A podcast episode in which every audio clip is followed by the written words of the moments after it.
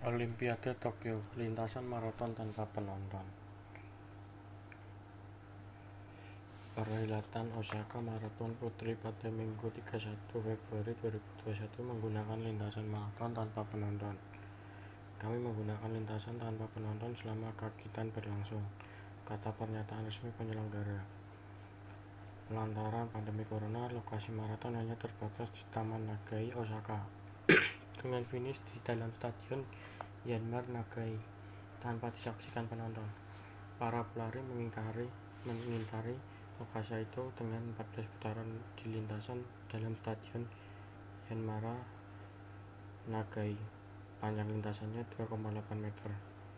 Dua atlet timnas maraton Jepang menguasai ajang Osaka Marathon Putri pada perhelatan lomba itu Minggu. Juara pertama adalah Mao Ichiyama. Catatan Ichiyama masih kalah 2 menit dari capaian Miyuki Noguchi.